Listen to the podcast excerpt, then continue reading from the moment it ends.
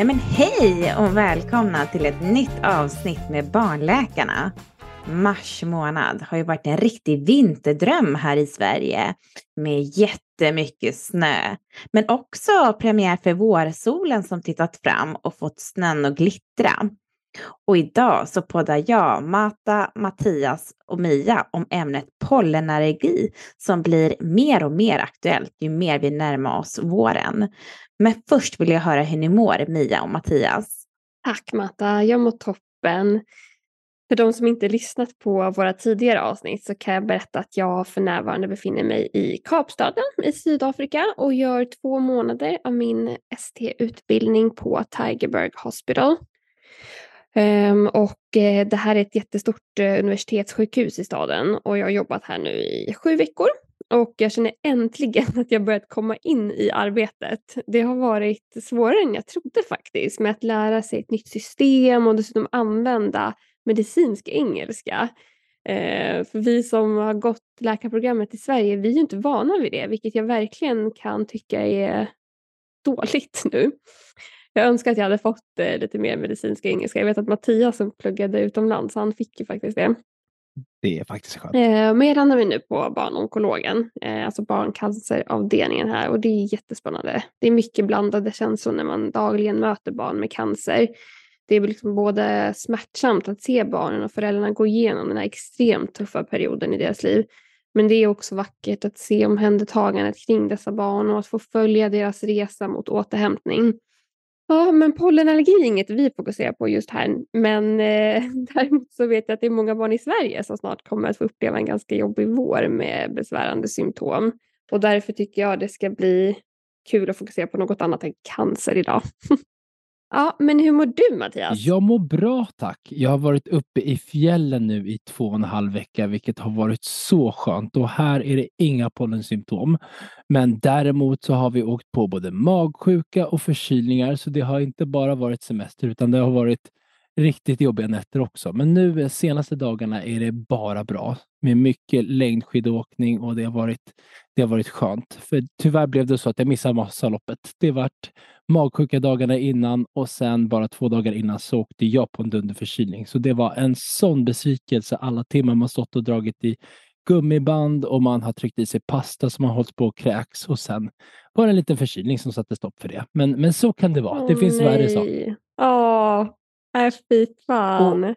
Ja, men du, man får tänka så här. Du har tränat för hälsans skull. Jaha, ja men det är precis. Och det kommer ju nya chanser, mm. så nya tag nästa år. Det var inte ämnat för mig det här året.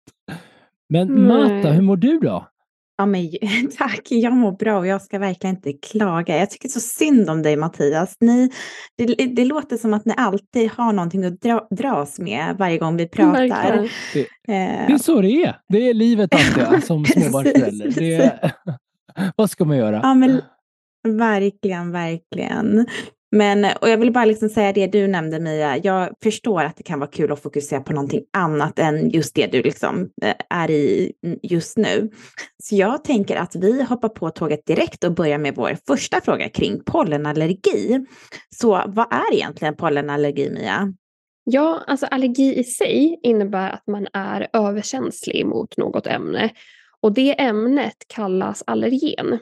Och allergener är proteiner alltså äggviteämnen, som inte påverkar de flesta men som gör att en del individer får allergiska besvär. Och hos den som har en ökad risk för allergi kan kroppen börja producera allergiantikroppar. Och de kallas IgE-antikroppar och kan bildas mot många olika ämnen, till exempel då mot björkpollenallergen. Och det som händer vid en allergisk reaktion det är att IgE-antikropparna de sätter sig fast på ytan av en del celler i kroppen som innehåller histamin och andra retande ämnen. Och när det allergiframkallande ämnet kommer in i kroppen, till exempel när man andas in pollenallergener, så fastnar det på de här antikropparna och får cellerna att släppa ut de här retande ämnena. Och det är dessa ämnen som i sin tur då orsakar den här allergiska reaktionen med de klassiska allergiska symptomen. Ja men alltså kroppen är så häftig.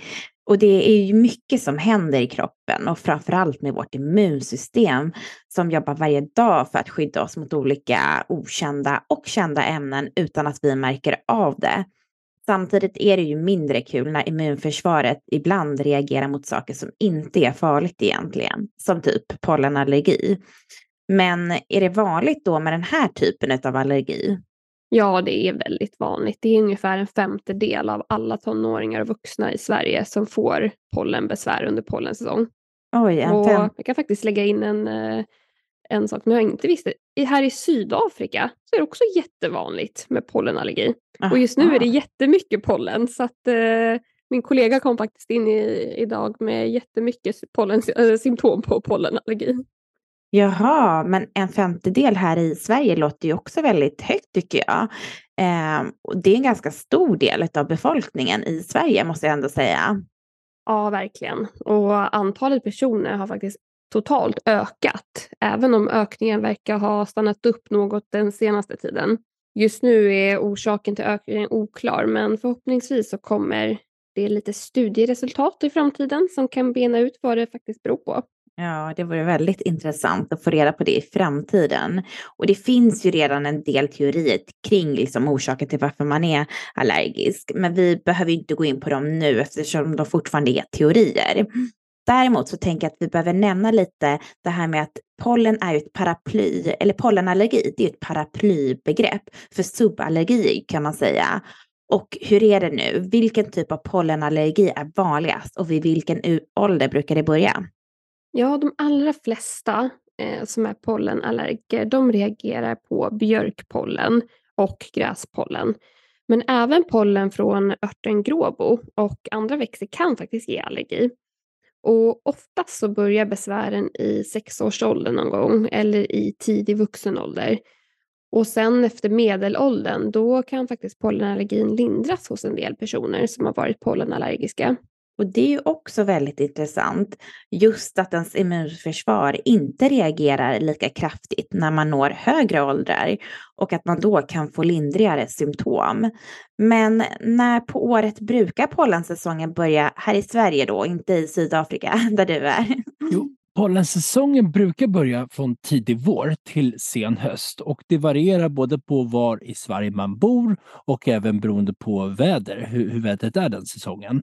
Och det finns en jättebra hemsida som heter pollenrapporten.se och där kan man då följa pollenprognosen just där man bor i Sverige. Och generellt sett så brukar man då säga att björkpollensäsongen är vanligast på våren.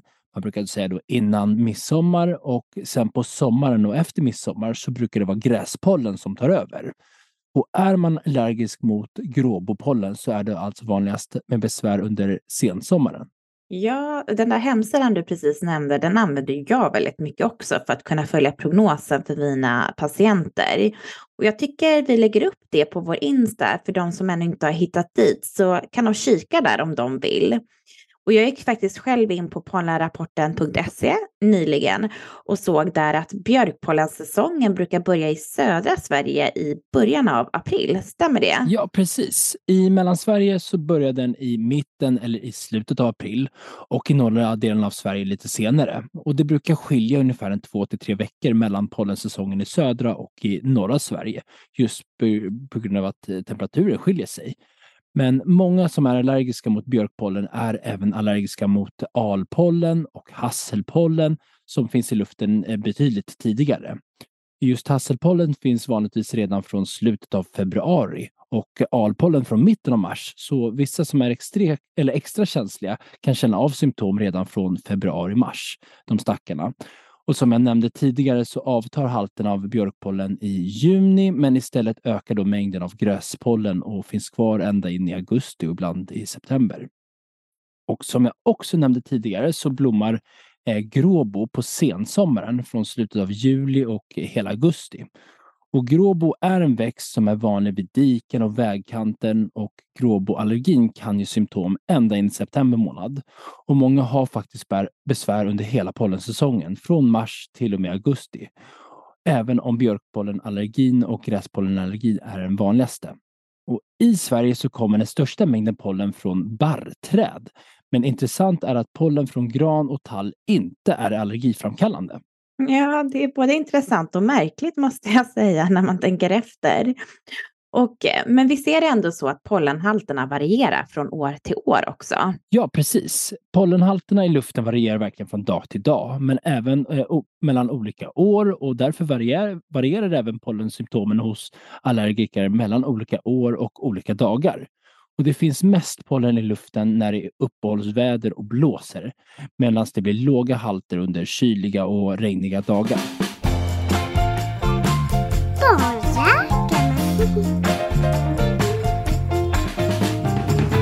Nu har vi benat ut ha hur halterna av olika pollen kan variera under året och att pollenallergi är ett samlingsbegrepp för pollen från olika växter som till exempel björk och gräs. Och vi har också nämnt att man kan ha flera pollenallergier så man kan ha symptom typ hela tiden. Och därför tänkte jag att det är då passligt att börja prata om just symptomen. Så Mia, vilka är symptomen vid eh, pollenallergi? Ja, men det är väldigt individuellt hur många och kraftiga symptomen är hos olika individer. Och vissa kan ha bara enstaka symptom och andra kan ha flera symptom samtidigt. Eh, men symptomen, man kan säga att de liknar förkylningssymptom med undantag att man inte brukar ha halsont eller feber, den här tjocka snuvan som man brukar ha vid förkylning. Men några av de vanligaste symptomen som man får det är de här klassiska vattnig snuva och nästäppa, nysningar, klåda i näsan, röda kliande ögon som rinner, en trötthet och sen kan vissa ha luftvägsbesvär som, som rethosta och andnöd som ofta förvärras vid ansträngning.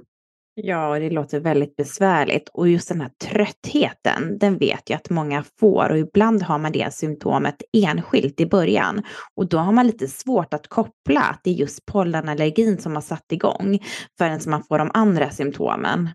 Ja, verkligen. Den här tröttheten den kan vara jättebesvärande och, och som du säger svårt att veta vad det är innan man faktiskt får de här andra pollensymptomen. Men de andra symptomen kan ju också vara väldigt besvärande. Ja, men eller hur. Och du nämnde ju också tidigare att vissa har en ökad risk för allergi. Vilka är de då? Ja, risken att få pollenallergi ökar om man har flera genetiska släktingar som har eller har haft allergi. Och vi har pratat lite om det i tidigare avsnitt, det här med atopi. Så det kan man gärna få lyssna på, för då förklarar vi lite om det här med genetiken bakom allergier och kopplingen till eksem och astma. Men man kan även få pollenallergi utan att ha allergiska besvär, eller förlåt, utan att allergiska besvär eh, finns eller har funnits hos eh, någon genetisk släkting.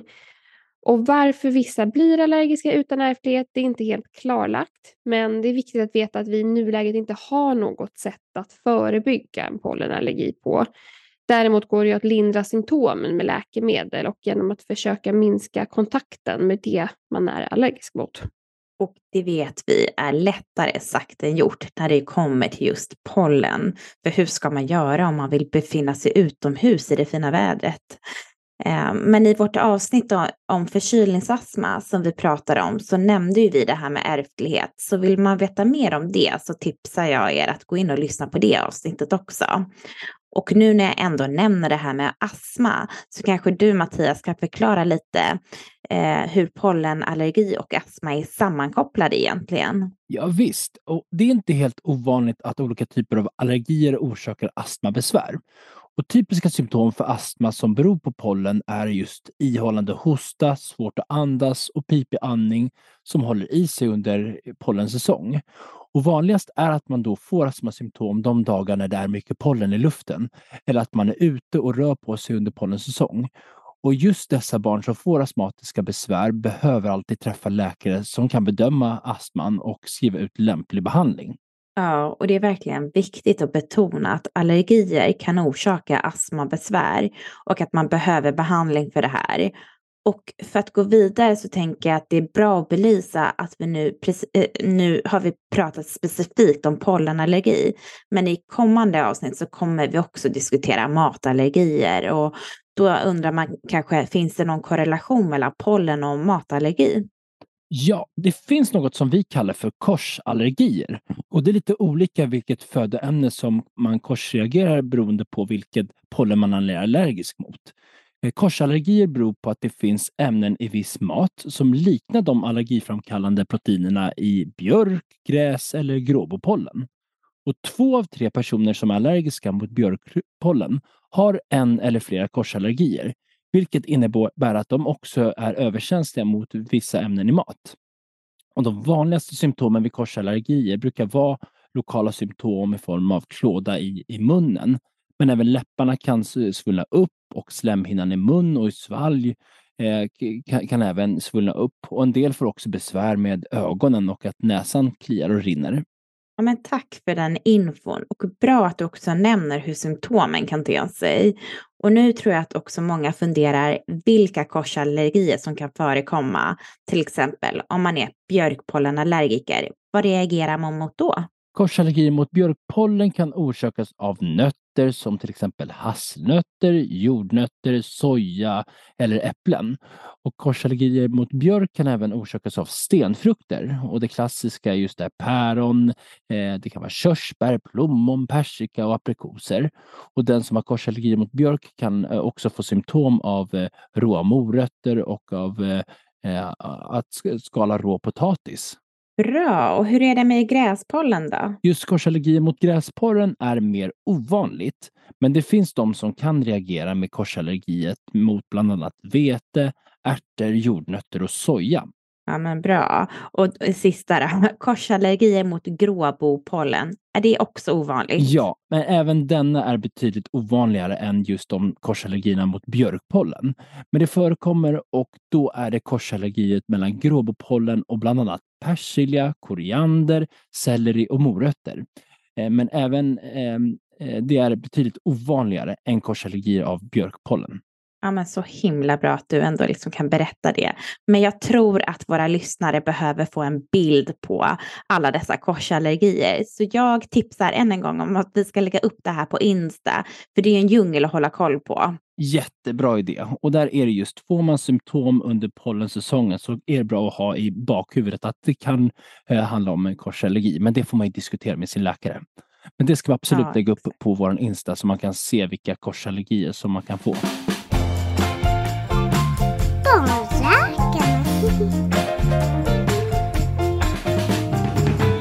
Men hur är det med korsallergier och grad av sjuka? Kan man liksom bli lika sjuk av en korsallergi som av en äkta allergi som vi har pratat om tidigare? Det är ovanligt att korsallergi ger allvarliga allergiska reaktioner och det beror på att de korsreagerande ämnena är känsliga och snabbt bryts ner i magsäcken och tarmarna.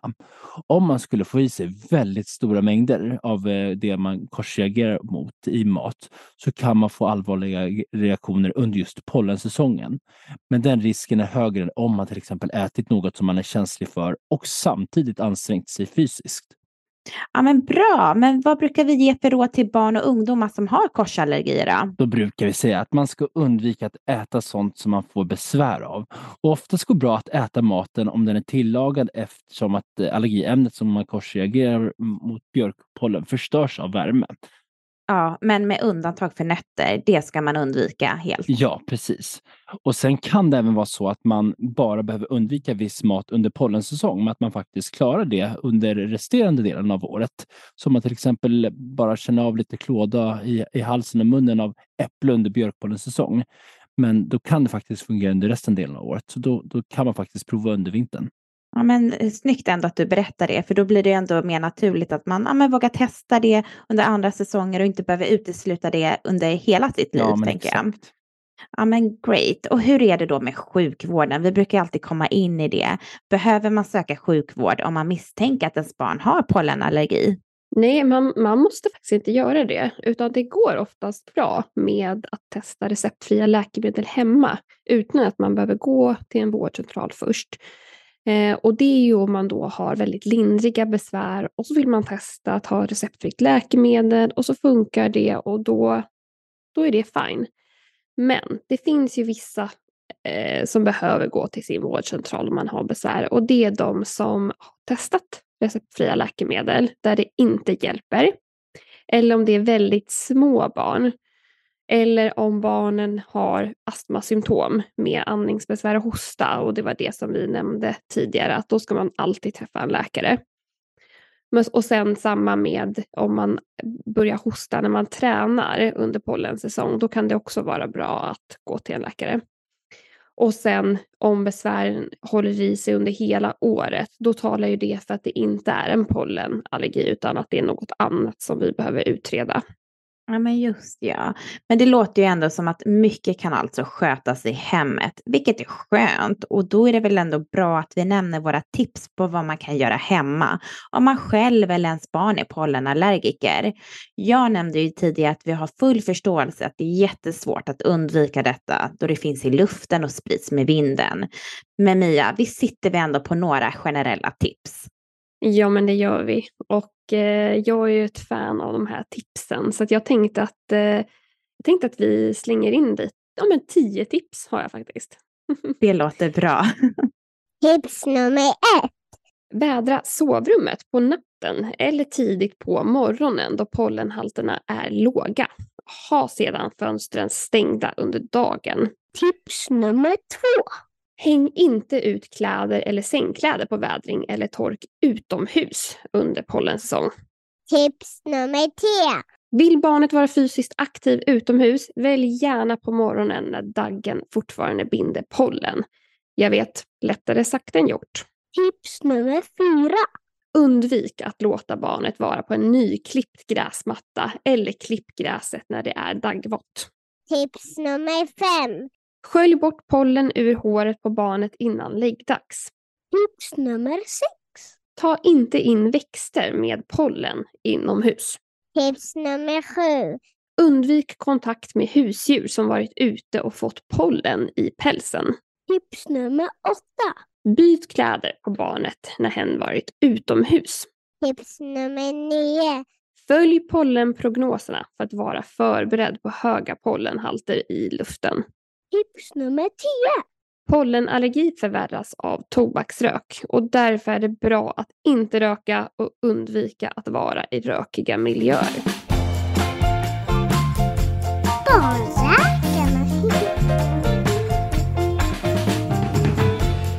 Jättebra tips. Så jag älskar ju också de här tipsen som vi ger ut. Och eh, jag hörde också att du tipsade om pollenprognosen igen. Det är ju jättebra. Och, eh, men låt säga då att man följer alla tips och testar receptfritt och så vidare. Men ändå behöver söka sjukvård trots allt. För att man misstänker att man har allergibesvär. Vad händer då, då när man söker vård? Ja, symptomen på pollenallergi de är ju för det mesta lätta att känna igen. Och oftast så behöver man inte göra diverse allergitester för att veta vad det är som har orsakat besvären. Men om det är så att vi är osäkra så kan vi ibland göra ett allergitest. Och vilken typ av test som används det är lite olika hur det ser ut eh, i landet. Men det kan vara antingen ett blodprov eller så kan det vara ett pricktest. Och båda undersökningsmetoderna mäter om man har allergiantikroppar och ger ungefär lika säkra resultat. Och eh, det här pricktestet då, det är ju sånt som man gör på huden. Ja men bra. Och, men om man nu har satt diagnosen, oavsett om man gör det kliniskt eller med proverna du precis nämnde, hur behandlar man det då? Ja, till att börja med kan man säga att det är viktigt att behandla. För att många kan uppleva att besvären påverka vardagen om de inte får behandling. Och barn med pollenallergi de kan faktiskt få det svårare att vara ute och leka med sina kompisar och även att, att klara av skolarbetet under pollensäsongen på grund av framförallt tröttheten. Så därför är det viktigt att behandla om man har symptom. Och vi brukar rekommendera att man medicinerar med läkemedel så att man kan vara besvärsfri och leva nästan som vanligt under hela pollensäsongen. Det går ju inte att stoppa kroppens allergiska reaktioner mot pollen helt och hållet, men man kan dämpa besvären med läkemedel. Ja, och det är så vi rekommenderar att man ska göra, just för att ens vardag inte ska påverkas så mycket. Och för, som du säger Mia, så beskriver ju också många allergiker att tröttheten är jätte, jättejobbig. Och eh, nu när vi ändå har nämnt det här lite med läkemedel, ska vi ta och prata lite om vilka läkemedel man kan använda, Mattias? Ja, det finns flera olika läkemedel som är bra för att dämpa besvären och de vanligaste är just antihistaminer, de som klassiskt kallas för allergitabletter. Sen finns, finns det även en antiinflammatorisk eh, eh kortisonnässpray som man eh, ger i näsan varje dag. Och så finns det en annan läkemedelsgrupp som kallas för kromoner och så finns det även då kortisontabletter eller kortison i spruta som man kan ge i ovanliga fall. Eh, och sen finns det även någonting som kallas för allergen eller allergenspecifik immunoterapi. Och de flesta med pollenallergi får i första hand behandling med antihistaminer som de tar mer eller mindre regelbundet. Och sen finns det då även nässpray med kortison som ofta är effektiv och kan vara bra att använda om man har mycket besvär med nysningar och nästäppa. Men den hjälper även till med ögonbesvär. Och så finns det även nässpray med antihistamin och kombinationspreparat med både antihistamin och kortison som man kan prova. Antihistamin i form av ögondroppar är även ett bra alternativ om man har besvär av klåda och svullna ögon. Och så finns det även ögondroppar som innehåller kromoner som kan vara ett annat alternativ. Men då är det bra att ha börjat behandlingen några dagar innan man förväntar sig få besvär, för det tar ett tag innan medicinen börjar verka. Ja, och för de som inte kommer ihåg så nämnde ni, Mia i början att histaminer, det är en del av vårt immunförsvar som gör att man får sina allergiska symptom. Så genom att ta antihistaminer dämpar man alltså symptomen. Precis.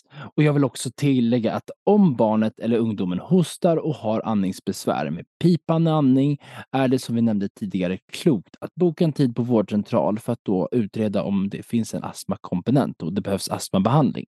Ja, men precis. Och då behöver man ju alltså en annan behandling också. Jag tycker också att när jag pratar om antihistaminer med mina patienter som behandling så brukar många säga att de hört att man kan bli trött av antihistaminer. Stämmer det? Ja, det stämmer. Och det finns vissa antihistaminer som gör en trött, vilket kan upplevas som en kontraproduktiv effekt eftersom trötthet också är en del av de allergisymptomen som man vill undvika. Men det finns numera tabletter som inte gör en lika trött och det är den behandling som oftast är bäst att börja med.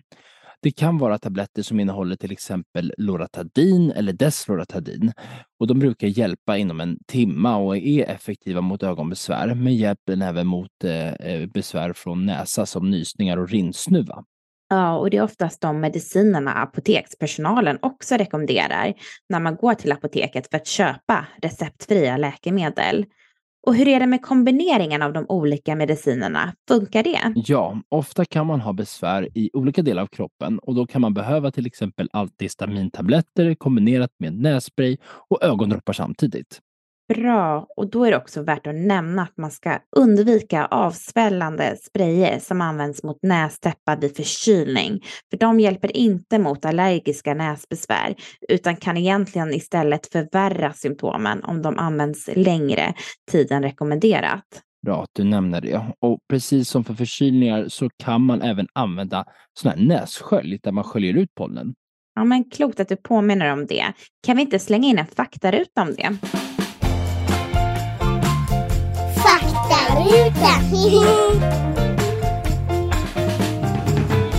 Faktaruta. Nässköljning. Ibland kan det hjälpa att bara skölja och rensa näsan från pollen och andra irriterande ämnen. Man kan köpa färdig koksaltlösning eller koksaltspray på apoteket. Man kan även pröva mjukgörande nässpray som innehåller sesamolja eh, om näsan känns torr och irriterad. Har man inte koksaltlösning hemma så kommer här tips på hur man kan göra egen koksaltlösning. Blanda ett kryddmått salt med en deciliter ljummet vatten.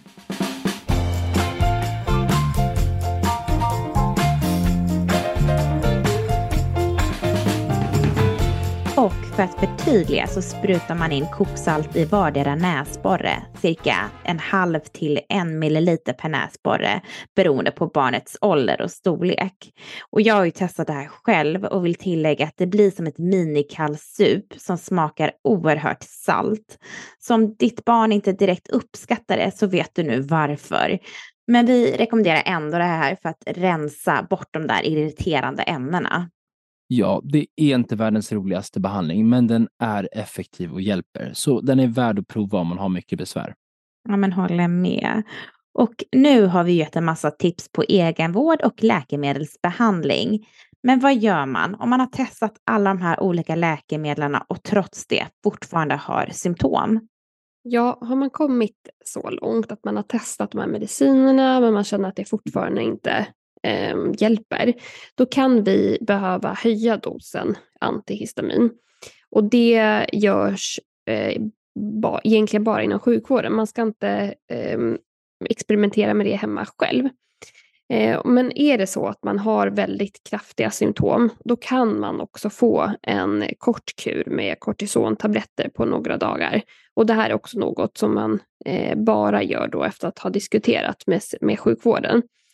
Oftast är det här mer aktuellt hos eh, äldre barn och eh, ungdomar och även vuxna som eh, kan få något som kallas kortisoninjektioner. Men som sagt så använder inte vi det så ofta hos barn.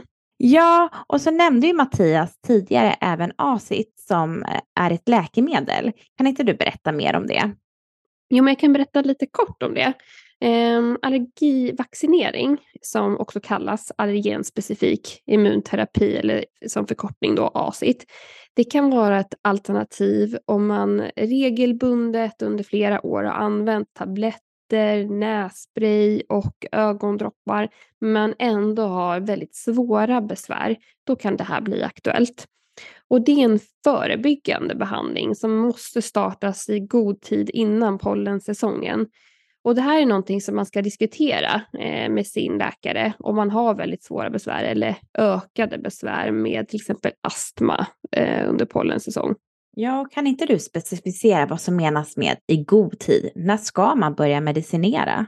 Ja, men vi har ju nämnt det lite tidigare, men det varierar ju lite på pollenhalterna och säsongerna. Dels beroende på var i Sverige man är, men också vilket år det är för att eh, säsongen då varierar. Men det, går, det bästa är ju att gå in på pollenrapporten.se så att man kan planera i, så att man kan planera när man ska börja medicinera. Men man kan tänka på ett ungefär att man ska börja ta sina läkemedel, alltså de här antihistaminerna, tabletterna då, ungefär när löven slår ut om man har besvär av björk eller andra lövträd. Och sen så kan man tänka att man ska börja ta sina mediciner i början av juni om man har besvär med gräspollen och om det är så att man har besvär av gråbopollen, då kan man börja ta sina mediciner i slutet av juli. Ja, men snyggt. Då gäller det alltså att börja i god tid med behandlingen av de allergiska besvären för att få så god chans som möjligt att bli besvärsfri. Och jag tror att vi har fått det mesta kring pollenallergi och tycker att vi kan sammanfatta nu. Vad säger ni? Ja, det tycker jag också.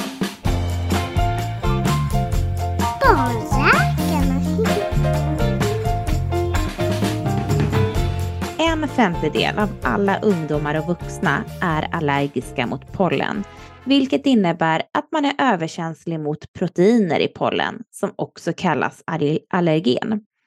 Det finns i huvudsak tre olika typer av pollenallergier, vilket är björkpollen som är den vanligaste, samt gräspollen och gråbopollen.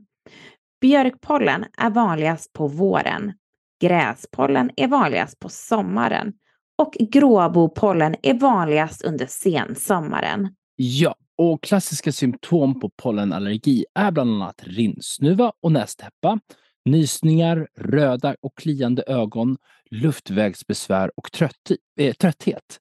För att undvika att exponeras för mycket för pollen eh, om man är allergisk så ska man tänka på att vädra sovrummet på natten eller tidigt på morgonen. Fönster ska vara stängda under dagen och undvika att vara på nyklippt gräs och följ pollenprognoserna för att vara förberedd på höga pollenhalter i luften. Håller med. Och tack för att ni har lyssnat. Vi hoppas att avsnittet har varit givande och att ni har lärt er massor med nytt om pollenallergi. Och som vi nämnt tidigare så är det bara att höra av er om det är något mer ni vill veta om eller har kommentarer. Antingen till vårt mail eller till vårt Instagramkonto Barnläkarna. På vårt Instakonto så lägger vi ut en massa bra info om olika tillstånd och låter er lyssnare ställa frågor som ni vill ha svar på i podden. Så ha det så fint så hörs vi igen om två veckor. Hej då! Hej då! Hej då!